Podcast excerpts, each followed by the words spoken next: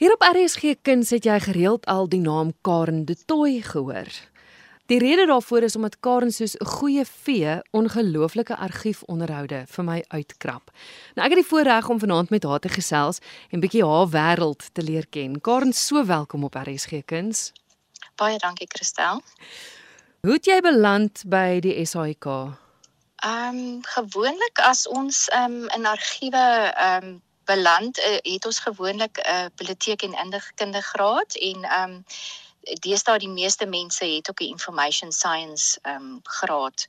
Ehm um, ek het jare terug begin werk by die TPA en direk daarna SAIK toe begin en gekom en by die nuusargief begin werk en van daar af na die biblioteek beweeg um, met hulle nuus klippingsdiens en van daar af na die argiewe toe. Ek dink ek's nou al 16 jaar hier by die radioargief en ek het begin werk by die Afrikaanse klank die Afrikaanse argivaris wat ek meestal na RSG se materiaal gekyk het.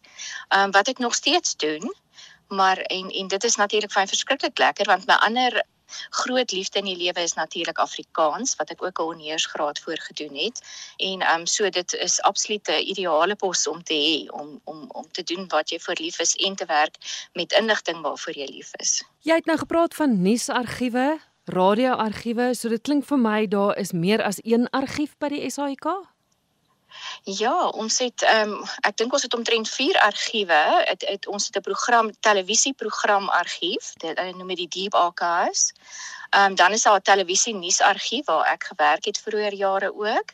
En ehm um, dit is ook net audiovisual materiaal en dan is daar die ehm um, ehm um, written archives. Dit kyk na al die ehm um, uh dokumentasie van die argief en dan is dit die radioargief natuurlik. Ja, en ons het ons het ook ja jammer daar's meer want ons het 'n musiekargief wat ook al die ehm um, musiek uh scores het ehm um, en musiekinstrumente ook uit hier en behou.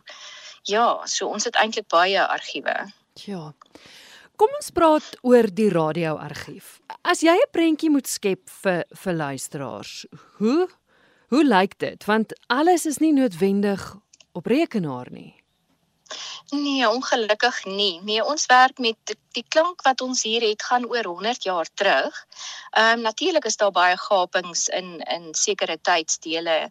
En ehm um, vroeër jare toe hulle op um, die magnetiese bande opgeneem het, is is dit weer en weer gebruik. So daar's nie 'n jy weet 'n volledige versameling nie, maar ons is al ek is altyd so verbaas nog steeds oor al die wonderlike klank wat ons hier het van voor die jare jy weet van ehm um, as ons praat nou veral in Afrikaans jy weet ons Afrikaanse skrywers ons ikone in in Afrikaans wat ons nog ehm um, hulle stemme het, jy weet, maar dit is ehm um, analoog materiaal, so dit moet as ek 'n versoek doen, moet ek die ehm um, bande gaan trek in ons argief en ek moet dit kom inspeel. Ek ons probeer as ons die versoek doen, dan digitiseer ons dit sommer en ons ons stoor nou ehm um, op ehm um, servers wat ons ehm um, nog beplan om 'n uh, stelsel te kry wat ehm um, jy weet alles gaan kan hanteer maar op hierdie stadium stoor ons net op servers, maar dit is baie maklik dan om terug te kry sodra dit dan gestoor is en dan kan ons dit sommer elektronies deurstuur. Wat nou baie lekker is natuurlik is dat ons ehm um, nie meer werk met, jy weet, selfs om dit op 'n CD te sit nie, ons stuur dit sommer as 'n link na iemand toe in hulle e-pos en hulle kan dit download aan hulle kant. Mm. Jammer vir al my Engelse woorde, maar ons werk in in 'n Engelse omgewing. Gestel jy gaan trek nou daai band hou jy die band of raak jy stelselmatig van die ou tegnologie ontslaa? Nee, ons kan nooit nee die oorspronklike behou ons altyd. Daar kan altyd iets verkeerd gaan ehm um, jy weet as dit mm. gedigitaliseer is. So die oorspronklike een word altyd behou. Ons gooi nie weg nie. Ehm um, dit is dit sal vir altyd bly op ons rakke. Ons wil dit net graag alles wat ons het op die rakke wil ons graag ehm um, digitaliseer ehm um, en inspeel. Ongelukkig ook die bande as jy dit inspeel, dit word ehm um, realiteit ingespeel. So jy moet as dit 30 minute lank is, moet jy 30 minute sit en luister wat nie noodwendig ehm um, uh sleg is nie want dit is vreeslik lekker om na die klank te luister. Jou posbeskrywing spesifiek, jy het nou gesê jy het, jy het, jy was hoofsaaklik oor RSG se goeders, maar jou pos het uitgebrei, né? Ja, ek is nou ehm um, die bestuurder hier by die ehm um, argief ehm um, van van verlede jaar af. So ek moet nou verantwoordelikheid neem vir al die ander want ons kyk na verskeie radiostasies en ons het verskeie argivarisse wat ehm um, na verskeie dissiplines moet kyk ehm um, van die SAIK se klank vir sy radioklank. Ehm um, wat baie lekker is. Ehm um, ons het so 'n wonderlike skatskis hierso en om te sorg dat ons nog steeds hierdie klank kan bewaar en op 'n beter manier bewaar as vroeër jare is baie lekker. Ek wil jous praat oor die bewaring want soos jy gesê het die oorspronklike word nou teruggesit op die rak maar ja dit dit, dit voel vir my dis dit is so broos dit kom al soveel jare wat moet julle doen om om dit te bewaar? Ehm um, kyk die bande wat op die rak is dit word in 'n spesiale uh, stoorkamer wat wat uh, die die uh, temperatuur word na gekyk en daar is ook 'n stelsel in plek dat as daar 'n brand uitbreek, ehm um, jy weet dit dit bewaar sal bly soveel as moontlik. Mhm. Ehm um, dit word nog nie op dieselfde ehm um, vloer gehou as waar ons sit nie. So dit help al klaar en ons servers natuurlik moet ook gebackup word die hele tyd dat ons seker maak dat ons meer as een kopie het. Ehm um, ja, en maar van ons formate is besig um, om om um, te gaan. Ehm um, formate wat vroeër jare soos die mini disks, hulle het gedink dit gaan vir altyd hou en 10 jaar later en dit is 'n probleem as jy dit in die uh, speel ehm um, insit om gespeel te word dan wil dit net nie meer speel nie. So dit moet gedigitaliseer word en daar is projekte aan die gang om dit te doen. Ja. En intussen probeer ons maar by onsself so elke dag een of twee van die mini disks in te speel. Ja, die ehm um, magnetiese bande is natuurlik 'n baie robuuste uh formaat en jo, ons kan 100 jaar terug se band en hy speel nog steeds. En jy het al van die klank ge gehoor wat jy weet wat oud is en ja. dan klink dit nog steeds baie goed. Ek wil juist met jou gesels oor die proses want soos ek sê ek speel gereeld onderhoude uit die argief uit wat jy vir my opspoor. So om vir die luisteraars 'n idee te skep van van die wisselwerking tussen my en jou. Ek stuur gewoonlik vir jou 'n e-pos waarop ek sê ek is op soek na 'n onderhoud van kom ons sê nou maar Mems te brein. Wat doen jy dan? Ehm um, ons het 'n katalogiseringstelsel, Natural Document Management wat uh, maar aangepas is hier vir ons spesiale behoeftes, so ek moet soek daarop. Ehm um, dit is gewoonlik baie maklik om die soektog te doen en dan kies ek maar, jy weet wat ek dink wat spesifiek jy wil hê en ek stuur vir jou 'n lys. En van daar af as jy gekies het, dan moet ek kyk as dit as dit bande is wat getrek moet word, dan moet ek dit gaan trek, dan moet dit ingespeel word. Ehm um, en en dit moet ehm um, uh gesy word in die spesifieke formaat wat jy benodig en ek uh bewaar dit ook sommer trek dit deur na ons permanente server toe dat ons dit daar ook het vir toekomstige gebruik. So dit is dit is hoe dit is dit is net ongelukkig nie so maklik net as 'n knoppie druk en deurstuur nie. Ja.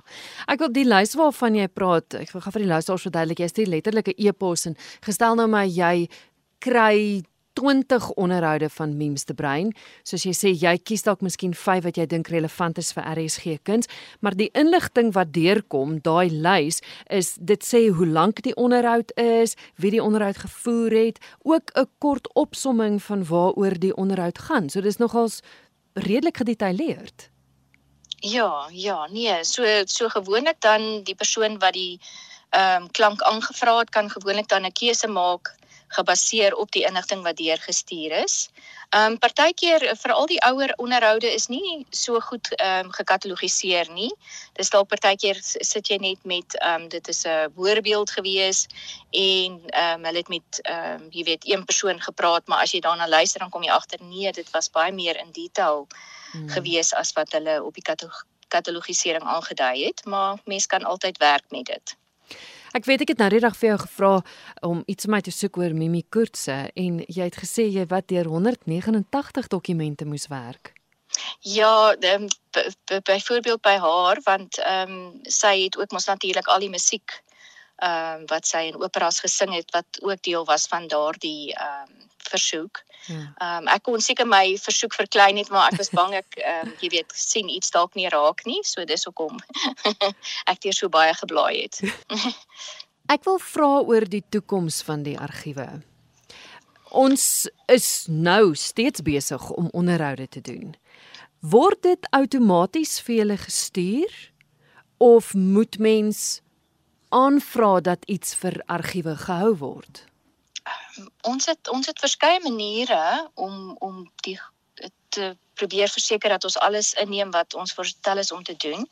Ehm um, ek byvoorbeeld as 'n Afrikaanse argivaris het 'n uh, vaste ehm um, verstandhouding met met die RSG span. Hulle hulle het vir my 'n folder geskep op hulle playout stelsel wat hulle alles in al die programme ingooi wat ons geïdentifiseer is as belangrik en moet gehou word. Mm. So dis een plek. Die ander ander manier hoe ons ehm um, verseker dat ons die, die materiaal weer kan terugkry is dat ons 'n 24/7 ehm um, 'n DVD ehm um, kopie maak van 'n dag se uitsending van 'n radiostasie. Dit word vir al die radiostasies gedoen, ook in die in die streke.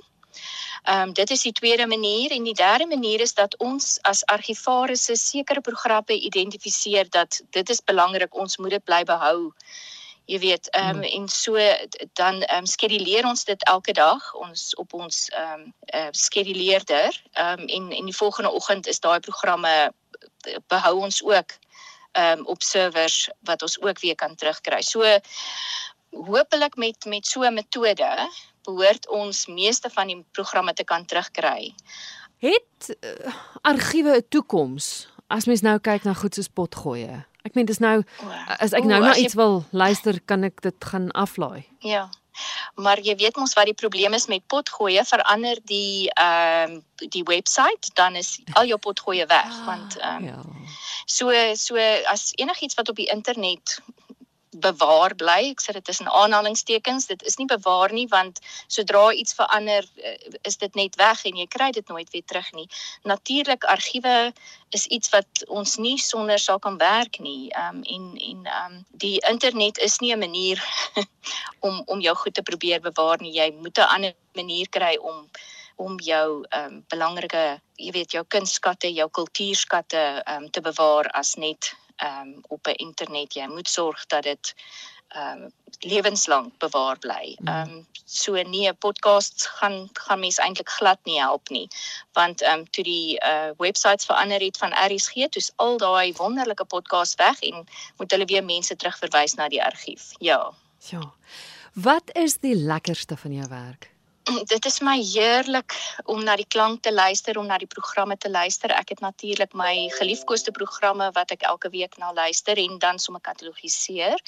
Maar die die ander lekker ding is ook om 'n soektog te doen en en hierdie wonderlike klank op te spoor ehm um, en dit aan te stuur ehm um, en en jy weet en die resultaat ehm um, daarvan te hoor in 'n program soos wat jy verpak en dan kry jy heeltemal ander blik jy weet op op die mens en op die geskiedenis en hoe dit gebeur het. So dit is my dit is my alles lekker. Alkaren ek moet vir jou sê jy is van onskatbare waarde vir my. En ek weet eintlik het die hele idee rondom argiefonderhoude is uit nood uitgebore want met die hele inperking van die pandemie, teaters het toegemaak, gallerye het toegemaak en ek het niks gehad om op my program uit te saai nie. En toe het ek gedink, "Ha, Maar kom ons probeer 'n argiefonderhoud of twee en ek meen dit het nou 'n instelling op my program geraak en ja, wat 'n ongelooflike skatte soos jy dit noem ja. wat jy al ontdek het. Baie dankie ja. vir jou rol wat jy speel daarin. Plesier, baie dankie, baie dankie ook dat jy gebruik maak van ons argiefmateriaal. Dit is waarvoor ons hier is.